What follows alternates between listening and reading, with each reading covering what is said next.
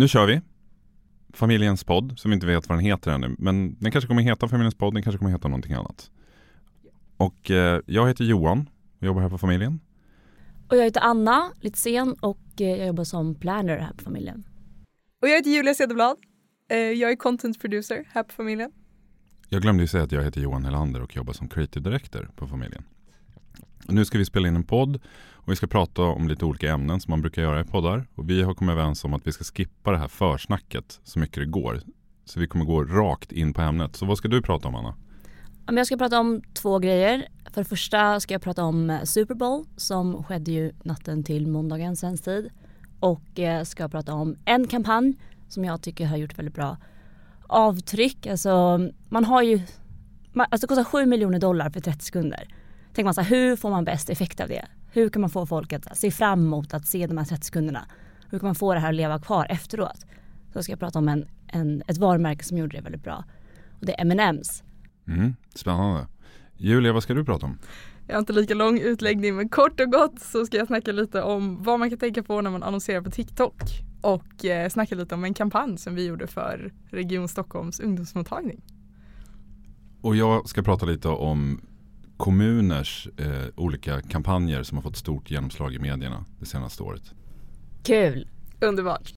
Men okej, okay. eh, TikTok eh, jag, jag, är ju då utanför den här 35-års eh, målgruppen. Jag är ju snart 42 år och jag har ju verkligen känslan när jag går in på TikTok ibland, vilket jag pliktskyldigt gör i egenskap av, av mitt yrke. Gör du det varje dag? Ja men eh, nu har jag tagit bort appen från mobilen för det, det, det är lite obehagligt eh, med alla dessa obehagligt. grejer man godkänner. Alltså de tar ju över allting i mobilen. Kalla mig ja. foliehatt men de tar ju verkligen över allting. Det finns säkert en Men laddar du ner den varje gång du ska kolla då eller? Nej jag går in på äh, laptopen. är det sant? Håna mig. Men det är sånt man gör när man är utanför målgruppen. Okej. Okay. Eh, men, men, nu ska det inte handla en lång utläggning om mitt TikTok-beteende. Men jag har ju verkligen känslan av att jag står i skyltfönstret och tittar in i butiken. Jag är mm. inte inne i butiken. Nej och det är precis som du säger. TikTok ja. är ju en hel stor intern, ett helt stort internskämt. Ja. Liksom. Eh, innehållet där är ju verkligen antingen så fattar du det eller så fattar du det inte. Det kan vara en video på någon som bara går rakt fram och tittar in i videon och det är jättekul. Men fattar man inte så fattar man inte och det går ju inte att förklara. Utan det enda sättet att förstå TikTok är ju verkligen att hänga på TikTok, hänga på TikTok, hänga på TikTok. Och sen till slut så märker du bara att du förstår. Det är generationshumor. När jag ja. växte upp på 90-talet, det var inte så att mina föräldrar hajade ironi. Eh, så att jag misstänker att det är ungefär samma perspektiv nu. Att, att någon bara tittar in i kameran, det förstår den humorn är då en överenskommelse mellan den yngre generationen idag som jag står utanför och tittar in på och inte förstår någonting av. Så hur ska man då göra eh, som företag man kanske inte befinner sig i den ålderskategorin för att navigera det här? Är det bara att man ska ha en så briljant person som dig som är i målgruppen och som förstår hur man navigerar här? Eller kan man, vad kan man göra för att eh, för att få genomslag. Vi har ju precis gjort ett gäng filmer för ungdomsmottagningen som har gått jättebra. Precis. Vad var framgången med dem? Nej men när vi, när vi tog fram den här kampanjen för ungdomsmottagningen så, så satt vi i en grupp först och så började vi ju knåda fram ett koncept som man så ofta gör inför en kampanj. Eh, och vi, vi bara märkte på en gång att det här är för svårt. Det här är inte någonting som kommer funka på TikTok för att det kräver för mycket tankekraft av tittaren. Och eh, TikTok är ju väldigt hjärndött så. Eh. jag tycker seriöst, jag lär det? mig så mycket på TikTok. Är det hjärndött eller är det hjärndött utifrån någon annans perspektiv? Tycker du att det är hjärndött? Jag tycker det är ganska hjärndött. Okej. Okay. Oftast. Sen beror det ju på vad man hamnar på för kanaler. Hjärndött på ett bra sätt då eller? Ja, det är en avkoppling för hjärnan på något sätt. Mm. Håller ni med om det? Jo då, absolut. Jo men det är ju, alltså, jag skulle också säga att det är ganska hjärndött. Men eh, tycker också att det kan vara rätt så utbildande ibland. Okej, men tillbaka till TikTok. Um, ungdomsmottagningen. TikTok. Ungdomsmottagningen, ja. ja. precis. Nej men vi satt där och så insåg vi att nej men det kommer inte, det kommer inte flyga att göra ett, eh, ett koncept. Det här är ju liksom prime målgrupp som hänger på TikTok. Här har vi världens möjlighet att ta ut svängarna och verkligen lyssna på vad TikTok själv säger. De säger ju don't make ads, make TikToks. Och eh, Då tänkte vi bara, men vi kör. Och vi vart jättebackade av alla här på familjen och kund var jättemodiga och jättetaggade på att verkligen köra. Vad var uppdraget då från un men, ungdomsmottagningen? Uppdraget från dem var ju att eh, öka kännedomen kring ungdomsmottagningen. Eh, de hade ju eh, haft svårigheterna nu efter corona att folk inte visste att de fanns, att det fanns drop-in. Man visste inte heller att de hade online Eh, så vi skulle ta fram en kännedomskampanj då. Och vi satt där och tänkte att okej, okay, men eh, vi vill ju att ungdomarna ska titta på innehållet. För att eh, TikTok fungerar ju så att eh, du kan ju scrolla förbi alla annonser. Så fort du ser att det är en annons kan du scrolla förbi.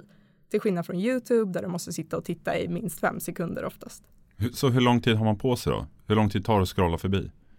Alltså jag skulle säga under en sekund. Ja på blixtsnabbt så Måste hucka tittaren alltså på typ 0,5 sekunder. Ja, precis. Märker man att det är reklam på en gång, nej men då är man borta. Så vårt mål var ju att göra reklam som inte såg ut som reklam och inte kändes som reklam.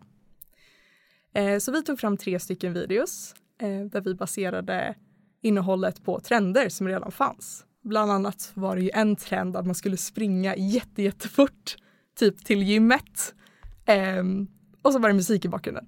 Inge, inget mer komplicerat än så. Springa jättefort. Jättekul. Miljoner visningar, miljoner likes. Inte mer komplicerat än så. Och det är det här jag menar att jag står i butiksfönstret och tittar in och fattar ingenting. Ja, men jag förstår det. Eller den är faktiskt ganska rolig, den fattar till och med jag. Den är rolig. Kan den man se den här någonstans? Kan man, hur, hur, om man blir nyfiken nu och vill se ja, den? Ja, precis. In på familjens Instagram och kika på filmerna som vi precis har lagt upp där nu. Just Vad heter vi? Familjen Stockholm. Familjen Stockholm. Mm. Um, var det inte också att uh, man hade glömt p-piller eller vad var, vad var kopplingen? Precis, when, when the drop-in at ungdomsmottagningen opens and you forgot to use protection last night. Så ni kombinerar ju en trend, en USP för ungdomsmottagningen och Precis. gör någonting utav det. Så vi tänkte att trend plus USP är lika med positiv kännedom. Det var vår lilla formula för det här projektet. Matte på hög nivå. Verkligen. Eh, nej men så det var en av filmerna vi hade och sen hade vi två filmer till som anspelade på trender. Två av de här filmerna var ganska korta, bara sex sekunder långa. Man såg eh, hela budskapet genom hela filmen och eh, de var väldigt konstanta. Eh, och sen hade vi en film som var lite längre sketch kan man säga, eh, vilket tappade in på trenden When you drop water on your phone. Ni vet när man är ute och går i regnet och försöker skriva ett sms och så kommer en vattendroppe på telefonen och telefonen skriver något helt annat än vad man vill. Just en överdriven version av det. Där det är en ung kille som skriver till sitt ex att man saknar att han saknar henne och eh, har skrivit en låt. Och, eh, det, det, den är jättejobbig, den är cringe. Liksom. Olidlig spänning också ja. på väldigt kort tid. Det, det var den andra filmen eh, och sen var det en till då, en tredje film. Precis, den tredje. Här har vi det mest simpla man kan tänka sig. Det är en kille som går och det är en textplatta på. Och vad står det där? På den textplattan står det When you forget to pay for condoms at ungdomsmottagningen even though you didn't have to. Men jag tycker det som gör i den videon är ju hans smirk. Acting skills. Videorna hade en view through rate, alltså så många som kollade på hela videon, på 17 procent. Så 17 procent av alla visningar på videon såg man hela videon. Och bara för att man ska få lite kontext, vad brukar det ligga på? Eh, det är svårt att säga vad det brukar ligga på men det här är jättehögt. Det är nästan var, var femte person som tittar på hela videon, mm. eh, vilket är jättemycket. Men vi kunde se ett snitt på filmerna så var det ju per visning mm. såg man 3,4 sekunder. Eh, Vilken gick bäst av dem? det var den när han gick, okay. när han mm. bara gick. Mm. Nej men precis, så snitttiden var ju 3,4 sekunder. Vilket man kan jämföra med vad det brukar vara på 1,2 sekunder. Eller en otroligt. till två sekunder. Det låter ju superlite, 3,4 sekunder. Ja. Men i jämförelse så är det då en helt otrolig siffra. Det är helt otroligt verkligen. Speciellt på TikTok som är en så snabb plattform och där man direkt scrollar förbi om det är någonting som man inte gillar. Så den gick supermega bra, vilket är jättekul och det bekräftar ju bara den här regeln om att det är native content som funkar på TikTok. Så att eh, vi är jättetaggade på att fortsätta göra sånt här och eh, fortsätta göra native content som faktiskt funkar. Eh. Att bara ta en kampanj och eh, eh, publicerar på TikTok. Vad ser vi, alltså om man säger en 360-kampanj som går ute på stan och på tv och så vidare. Mm. De som gör det, eh, vet du hur det fungerar? Alltså i och med köpt media så funkar det ju som man kan förvänta sig. Liksom, ja, det går väl okej, okay, men det går ju inte superbra. Um, jag menar, hur ofta sitter du och tittar på till exempel en hm reklam frivilligt? Det är kanske inte jätteofta. Men om H&M istället hade haft något jätteroligt content och du inte märkte att det var eh, uppenbart reklam, då hade du troligen velat titta mer. Mm. Och det är ju lite den regeln på TikTok. Så att ja, vill man klämma in en vanlig kampanj som man säger i TikTok så ingen kommer stoppa en men eh, man kommer inte få underbara resultat. Du kommer ju få visningar för du köper ju visningarna men eh, likes, view through rate, faktiskt liksom hur den funkar, vad man kommer ihåg den. Ja, det, de kommer inte bli lika höga som om du har native content. Så är det. Nu är ungdomsmottagningen en avsändare som passar ganska bra in i, i TikTok skulle jag säga. Mm. Um, men det här är som, så spännande för att det finns ju företag som man tänker de här kommer aldrig funka på TikTok. Men de funkar ju på TikTok. Till exempel Ryanair. Då tänker man det ska vara ett flygbolag. De ska vara trygga. Man ska tänka att okej, okay, men här, de här kan jag flyga med. Men de går ju loco på TikTok. De gör ju narr av sig själva, de gör narr av sina kunder och de har ju miljoner, miljoner, miljoner med följare. Så att det här med att det inte finns ett företag som kan gå på TikTok, jag vet inte riktigt om jag tror på det. Det gäller bara att hitta sin nisch. Vad måste man göra då? Du nämner Ryanair här som bjuder väldigt mycket på sig själva och som är utifrån många perspektiv skulle jag säga väldigt risktagande. Ja. Är det en formel som man måste eh, hoppa på? Är, är, är, det sätt, är det så man måste jobba? Ja, alltså ska du göra TikTok måste du vara på TikTok spelregler. Eh, så att ja, det är väldigt mycket risk. Å andra sidan så är ju TikTok en väldigt förlåtande plattform. Ingen håller en accountable på TikTok på samma sätt som de gör på till exempel LinkedIn. Du har ju väldigt mycket mer fria tyglar. Och man ser ju företag som Adobe, McDonalds, alltså de snackar ju med varandra i kommentarsfälten och de är lite sassy och de är verkligen inte vad man förväntar sig att de ska vara. Kommentarer har jag förstått är en, en viktig, väldigt viktig del generellt i sociala kanaler. Kan du, kan du berätta lite om det? Nej men det är ju jättestor, det är jättestor grej, men om man bara tittar på de här stora företagen. Eh, nästan det roligaste med videorna är ju när man går in och ser att de har skrivit med varandra. Och så blir, blir det ju lite som en konversation som de båda gynnas av. Trots att det är bara den ena som har gjort videon kan den andra få lika mycket publicitet bara för att de kommenterade något roligt som ligger högst upp nu. Men avslutningsvis här, vi eh, för ungdomsmottagningen valde vi att piggybacka på befintliga trender. Precis, det är ju eh. någonting som TikTok inte rekommenderar själva. Varför då? Jag vet inte. De eh, tycker att man ska köra på original content. Eh, alltså att man, för, man har som ambition att starta en egen trend eller ja, att man gör någonting som inte har gjorts tidigare. Precis, man ska köra sin egen grej där. Ja. För det var det, det, var det, för det var det jag undrade för att ungdomsmottagningen eh, i det här eh, sammanhanget, jag tror att du nämnde själv att TikTok är väldigt förlåtande och jag tror att man ser på ungdomsmottagningen på ett annat sätt än en, exempelvis en, en kommersiell aktör. Och Finns det någon risk om man piggybackar på en trend att, man, att folk tycker att fan vad billigt att ni kommer ja. in här och tappar in på någonting som har varit ett fenomen som har växt organiskt och så ska ni försöka kapitalisera på det? Jag tror det verkligen beror på mycket hur man gör det. Um, jag tror den största risken, inte att man skulle tycka att det är billigt, men att det ska bli cringe.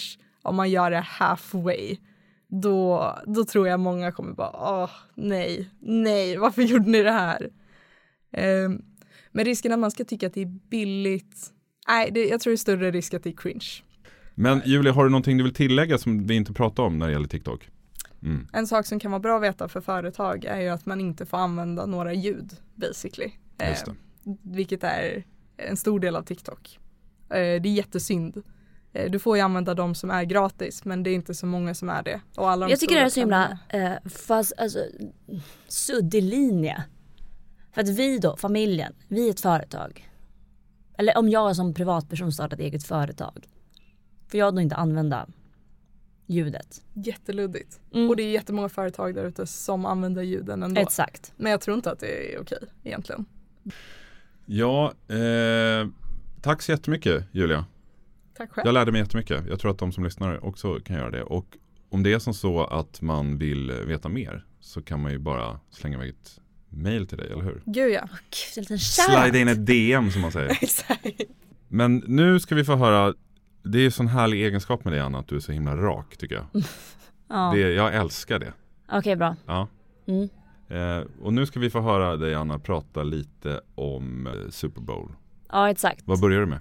Jag tänkte både prata om eh, The Halftime Show, alltså Rihanna. Och sen så tänkte jag prata om eh, en eh, reklamkampanj som jag tycker har varit väldigt bra. Och jag vet inte om ni har följt hela den här Eminem-debatten, alltså det är en sån politisk debatt, så här culture war som har varit i USA. Nej. Mm. Okej, okay, så M&M's det är de som gör de här små typ, chokladkulorna helt enkelt i olika färger. Jag tror rapparen tror jag menar. Nej. Okej, okay, i alla fall M&M's.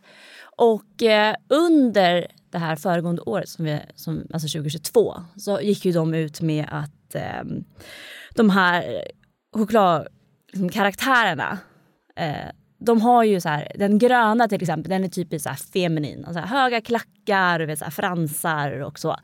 Och så gick de ut med att eh, ja, men hon skulle ha på sig sneakers och bli så här icke-binär. Och även eh, de här andra karaktärerna som skulle bli, liksom bli lite mer woke helt enkelt. Och det fick ju hela Alltså det var ju en snubbe på Fox News som bara rasade över det här. Alltså, det här är inte okej. Okay. och även typ, det är båda sidorna har typ liksom reagerat på det här och tycker att så här, ja, men för det första, varför ska de ändras? Det kan ju bara vara som det är. Eh, och eh, högern är ju verkligen emot att så här, varför ska allting vara så himla politiskt korrekt och så vidare. Eh, Varför kan inte allting vara som det alltid varit? Ja men exakt. Eh, men jag tycker det är så kul för att, för att eh, alltså, jag vet inte, jag kunde inte bry mig så mycket om det. Men det var kul att följa folk bli så himla arga över de här karaktärerna. Och sen då under senare, liksom, senare under året så har då Eminems tagit avstamp från det här och eh, berättat okej okay, hörni jag tror vi tar bort de här karaktärerna på obestämd tid. Det känns som att så här, USA är inte redo för det här. Eh, vi pausar dem helt enkelt. Hur, hur har de framträtt? Är det ja, i reklamfilmer? I reklamfilmer, ah, precis. Okay. Och typ Twitter. Och på ah. Twitter till exempel. Eh, och då så sa han så här, men vi byter ut de här eh, M&M's-gubbarna eh, och så har de ersatt dem med, med en komiker som heter Maya Rudolph. Hon är komiker, mm. också skådis. Men, och sen så inför då Super Bowl så har ju Eminem gått ut och sagt typ så här, håll koll på vår reklamfilm. För där kommer vi adressera hur vi gör med de här gubbarna. Alltså kommer vi behålla dem eller kommer vi inte göra det och så vidare. Um... Kallar de dem gubbar? Verkligen? De är ju de här små chokladkulorna så har de så ben. Ja men mm. det ni känner igen dem. Ja. Men, ja, ja. Ja, ja, jag, ja. men jag kallar dem för gubbarna. Men de har väl varit med jättelänge? De har varit, varit med så länge, de är så ikoniska. Jag kan ju, ja, jag kan ju flika in med att karaktärer, när man tittar på byggstenar i identiteter, då tänker folk logotyper och bilder och så vidare.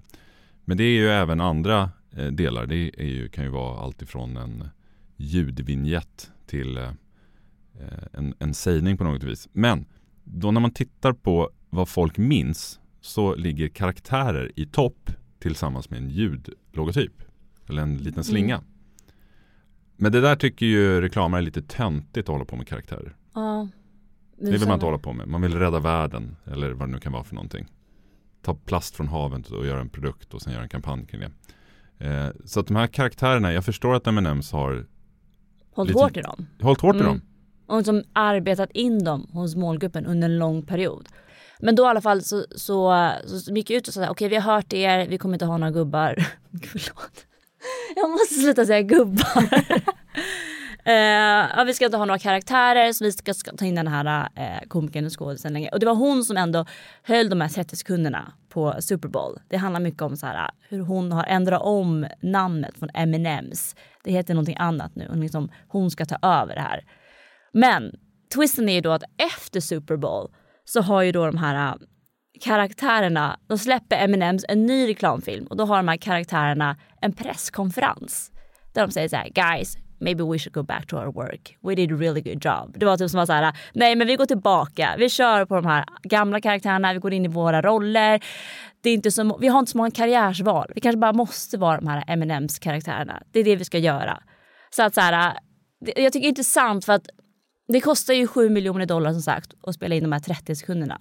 Men hur kan man få folk, alltså, hur kan man maxa de här 30 sekunderna? Hur kan man få folk att så här, se fram emot den slotten? Hur kan man få det här att leva vidare efter Super Bowl? Så att de har liksom strategiskt gjort en årslång kampanj som har liksom lett till Super Bowl och även lever kvar efteråt. Jag tycker att det är väldigt bra gjort. Alltså rent PR-mässigt men också strategiskt. Att så här.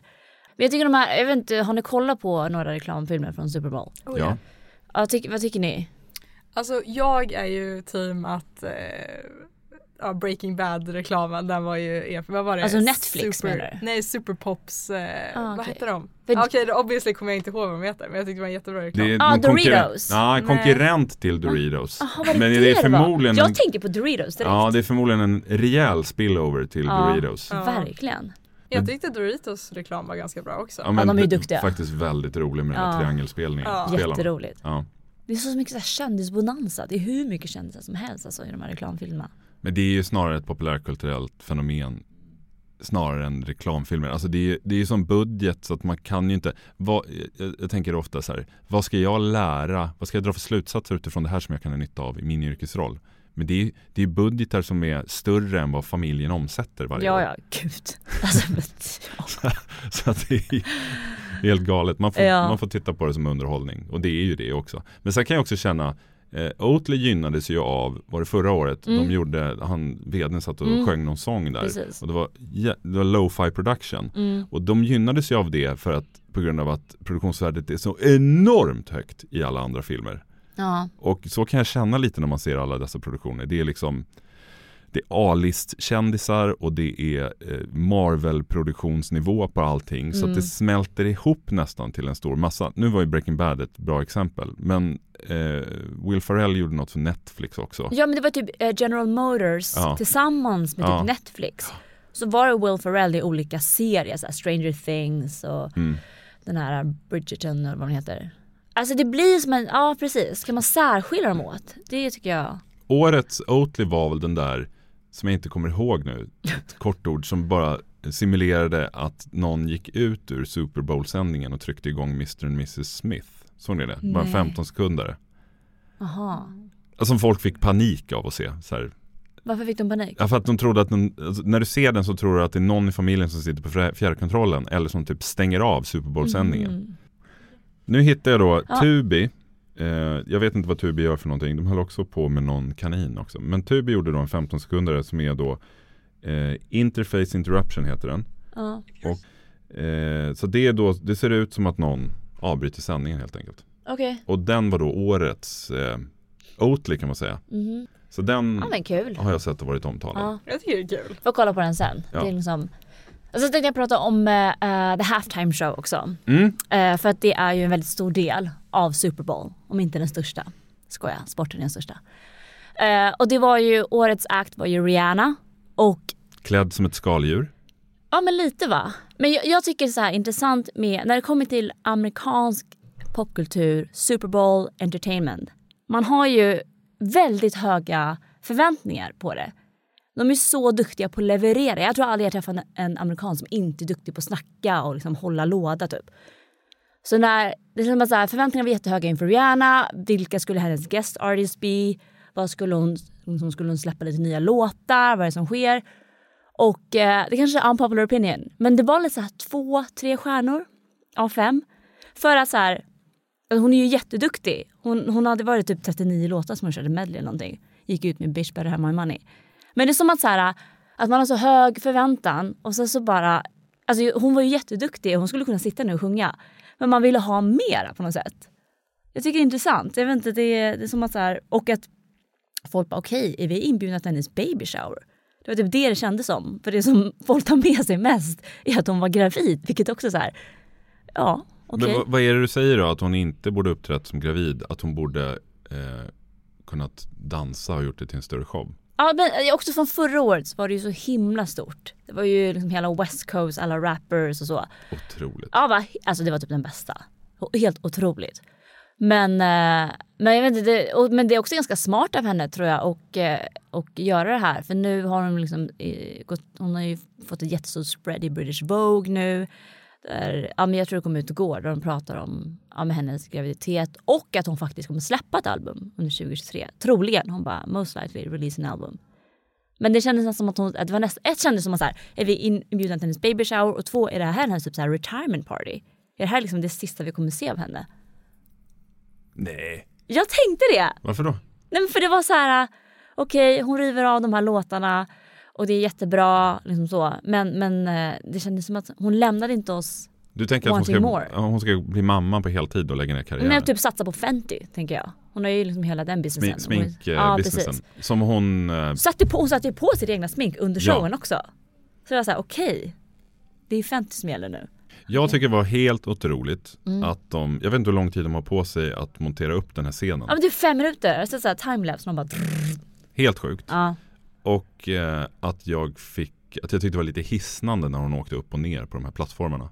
Jag tänkte på Super Mario Bros. Att man skulle hoppa mm, mellan Det tänkte jag också på. Det var ju visuellt ganska häftigt på det viset. Mm. Men det är klart, om man jämför med förra årets spektakel, men då var det ju tio superstjärnor. Oh. Och det är svårt att trumfa det. Nej men jag, jag har svårt åsikter om det. Jag kan förstå att givetvis hennes graviditet gör ju att hon inte blir lika eh, rörlig. Alltså hon var ju ganska statisk. Mm. Så att showmässigt. Men samtidigt ett statement att en så pass stor artist kan uppträda gravid tycker jag. För ja. jag tänker på den här Beyoncé-dokumentären som gjordes bara några månader efter hon hade fött tvillingar. Mm. Och fokus på det var ju så här, shit vad tuff hon är. Eh, mm. Hon kan komma i hög form på bara några månader efter hon fött barn. Mm. Och så har det varit mantrat att man som, här, som kvinna man ska vara liksom helt oberörd att man har fött ur sig mm. två ungar. Och det tycker jag blir lite sjukt åt andra hållet. Ja, men det känns, det, Beyoncé är ju känd för att typ så här, repa varje dag ett års tid innan typ Super Bowl. Känns som. Rihanna hon kan så här, vakna upp och bara Gud jag kanske ska göra Super Bowl då? Ja, jag tror det. Och så, så bara går hon in och gör världens jobb. Och, alltså, det är ju jättebra. Men det är ju helt två olika artister. Men det är också en påminnelse om en otrolig eh, låtlista. Ja exakt, det var ju det. Att hon har så många bangers ja. som folk ändå känner igen. Och kan köra det här medleyt med de här låtarna. Ja det är helt otroligt. Okej, okay, men kan inte vi prata om lite kommunkampanjer då? Ja, nu tänkte jag att vi skulle ta ner det lite här från eh, den stora globala världen och komma ner på nationell nivå till Sverige. Mm. Det är som så att vi på familjen, vi har ju ganska många offentliga kunder. Eh, så då vill man ju, som jag sa tidigare, lite svårt att dra paralleller ifrån Netflix och eh, vad pratar vi om mer? Eminems reklamfilmer mm. på Super Bowl. Mm. Men snarare om man tittar på vad är det som får genomslag i Sverige. Och det senaste året har jag sett tre initiativ från kommuner som har fått väldigt starkt genomslag. Mm. Eh, dels har vi då de stönande papperskorgarna i Malmö. Just det. Jag vet inte om ni har hört talas om dem? Ja, ja, ja. ja, ja. Och det här har ju då, det här har blivit en global nyhet. Och det rapporterats av alla stora medier i Sverige också. En så pass simpel ganska töntig lösning. Jag vet att det är någon mm. reklambyrå, någon av våra konkurrenter som har gjort det här. Eh, och det är väl Joy Mbatas röst. Jag tycker att det låter som Joy Mbatas röst. Man kan säkert googla upp det, vems röst det är. Som då stönar och säger olika kommentarer när man slänger skräp. Alltså mm. så klassisk nudging. Så folk då, det finns då tydligen två papperskorgar i Malmö som folk då beger sig till för att få slänga skräp i för att få lyssna på det här. Superframgångsrikt. Ja. Och en påminnelse om att eh, folk tycker att eh, sex är spännande och kul. Oavsett hur många gånger man har pratat om det så verkar det alltid funka. För att mm. det gör även Sollefteå kommun som har haft ett jättestort genomslag den senaste veckan. Det är nämligen som så att barnafödandet rasade drastiskt i Sverige 2022 i 200 av 290 kommuner ungefär. Och en av de kommunerna är Sollefteå kommun där det bara föddes 123 barn förra året. Mm. Så kommunen känner så här, Sollefteå är väl inte en stad folk flyttar till utan de som bor där måste producera fler barn för att inte staden och kommunen sakta ska tyna bort. Men eh, Sollefteå var eh, det snackades ganska mycket om Sollefteå för några år sedan för man la ner BB där. Mm. Och då vill man ju gärna härleda den här kampanjen som de har gjort nu som heter Älska mer, vi behöver bli fler. Tror jag att den heter. Jag ska säga Älska mer, vi behöver bli fler, Sollefteå då. Som är då vecka sju så satsar man då pun intended, eh, på vecka sju att det, man ska ha något slags program som ska få folk att helt enkelt ligga under den veckan. Är det, här, är det vecka sju nu? Ja, det kanske är vecka sju. Jag, jag tänkte såhär, ja. Valentines. Om ja, säkerligen. Ja. Och då hoppas man då att folk ska ligga extra mycket den här veckan så att det ger då effekt om 9-10 månader. Mm. Okej. Okay. Det är tufft om man inte har ägglossning den veckan då. Ja, vad gör man då? Då är det kört. Då kan man inte göra det någon annan vecka. Oh, alla måste synka. Ja. Men det här är ju då alla medier också då rapporterat om. Jag har hört om det på radio, jag har sett det på i tv, jag har läst om det i Dagens Nyheter och så vidare. Och eh, här, jag vet inte, jag tror inte att det är någon reklambyrå med i det här. Jag tror att det är någon, eh, någon liten påhittad person på kommunen som tycker om att rimma som har hittat på det här. Så ah, det tycker jag också är intressant. Ah. Men sen slutligen då en kampanj som eh, eh Gotlands kommun vann pris för i den här hundravattaren. En byrå som heter Differ, en liten byrå. Som initierade Gotlands fulaste gräsmatta förra året. Det är kul. Det känns som att gräsmattor är ju en så himla folklig ja, grej. Ska vi se här. Gotlands fulaste gräsmatta. Eh, och eh, då kunde man, alltså, det är då problem på Gotland att man har så lite grundvatten. Mm. Och att man har jättemycket turister på sommaren. Oh, som, vattenbrister varje ja, sommar. Det kommer dit en jävla massa fastlänningar och vattnar sina gräsmattor. Och tar slut på grundvattnet, alltså det vattnet vi ska dricka. Mm. Och, eh, är det på vårt landställe också. Ja. Mm. Eh, och då initierade Gotlands kommun den här kampanjen då man skulle fota sin gräsmatta och lägga upp på någon sajt. Har jag för mig att det var. Och sen så utsåg man då vinnaren. Mm. Och vinnaren då fick då massor med exponering och kanske, jag vet inte, typ lite tips av någon trädgårdsmästare. Det här fick också, också då jättestort genomslag. Jag vet att Alex och Sigge pratade om det i, i någon podd. Eh, Alex, båda de har väl sommarställen där på Gotland? Ja, Alex har det. Just det, och han hade vattnat mm. sin gräsmatta som tusan och skapat någon badwill av något slag. Eh, och då tänker jag så här, vad, vad, kan man lära sig av det här då, då? Jo, vi som jobbar med sådana här typer av uppdragsgivare, det är ju att man tänker ju ofta ganska traditionellt eh, i fråga om att ta fram en, en kampanj. Och det, det ska jag säga, det behövs ju också en traditionell kampanj för att få räckvidd och bred exponering. Men i, som i fallet med TikTok så tänker jag att man nog måste försöka vara lite cringe. För många av de här har ju en ganska hög cringe-faktor. Älska mera, vi behöver bli flera. Ingen koppe här skulle presentera det med stolthet. Trots att vi vet att folk minns rim väldigt bra skulle ingen göra det. Utan då hade man ju fått något så här Sollefteå, the place to be. Här får du lugnt och skönt och härligt och så vidare. Ganska traditionellt innanför boxen. Så att det är en uppmaning till, till eh, oss själva och till alla kommuner i Sverige att precis som med TikTok våga ta steget ut i det pinsamma. För det är där det finns någon form av beröring. Det är min analys av det hela. Vad har ni för kommentar till det? Julia? Ja men alltså alla de kampanjer som du snackar om nu, det är ju, det är ju inga traditionella kampanjer. Vi sitter inte här och snackar om de traditionella kampanjerna utan det är de som, som sticker ut och vågar göra något, något annorlunda. Sen kan ju det vara en extrem hit or miss men ja, ja. det är väl som du säger, high risk, high reward. Exakt. Ja, jag vill inte erkänna för mig själv. Jag är också där, vill inte göra cringe-reklam. Men jag menar, M&M's är också jätte-cringe, de här små karaktärerna. Uh, oh. är, Säg det till kreatörerna då. Vad är risken med att vara cringe då? Ja men det är cringe. Det är risken med cringe. ja. Att man är cringe. oh. Nej jag vet inte egentligen. Kan det inte bli coolt att vara cringe? Ja. ja. Eller? Ja. Men inte så här själva cringe grundar sig i att man bara vill bort därifrån. Man bara äh! Så det är så svårt att, cool är något som man vill vara hela tiden. Nu passar inte alla varumärken att vara cringe men jag börjar få en känsla av att det är en faktor för att få exponering. Mm. Alltså förtjänad exponering. Mm. Så det kan vara ett verktyg. Mål. Skapa cringe kommunikation. Mm. Ja. Så kom till oss på familjen. Vi hjälper er med ert cringe content. oh, men tanken är att det här ska komma med ganska regelbundet en ny podd då vi kommer prata om olika mm. ämnen vi inspireras av eller fenomen som vi tycker är intressanta på olika sätt och vis. Och det mm. kanske kommer vara lite olika personer. Mm. Eh, ibland kanske inte jag är med. Ibland kanske inte du är med. Ibland kanske bara Julia eller någon annan här. Eh, vad gör man då? Alltså jag vet inte hur autos brukar låta på poddar. Det är typ så här. Säga, det, var, det var allt för idag. Ja. ja men eh, vi, syns, eh, vi syns igen när vi spelar in nästa avsnitt. Ja.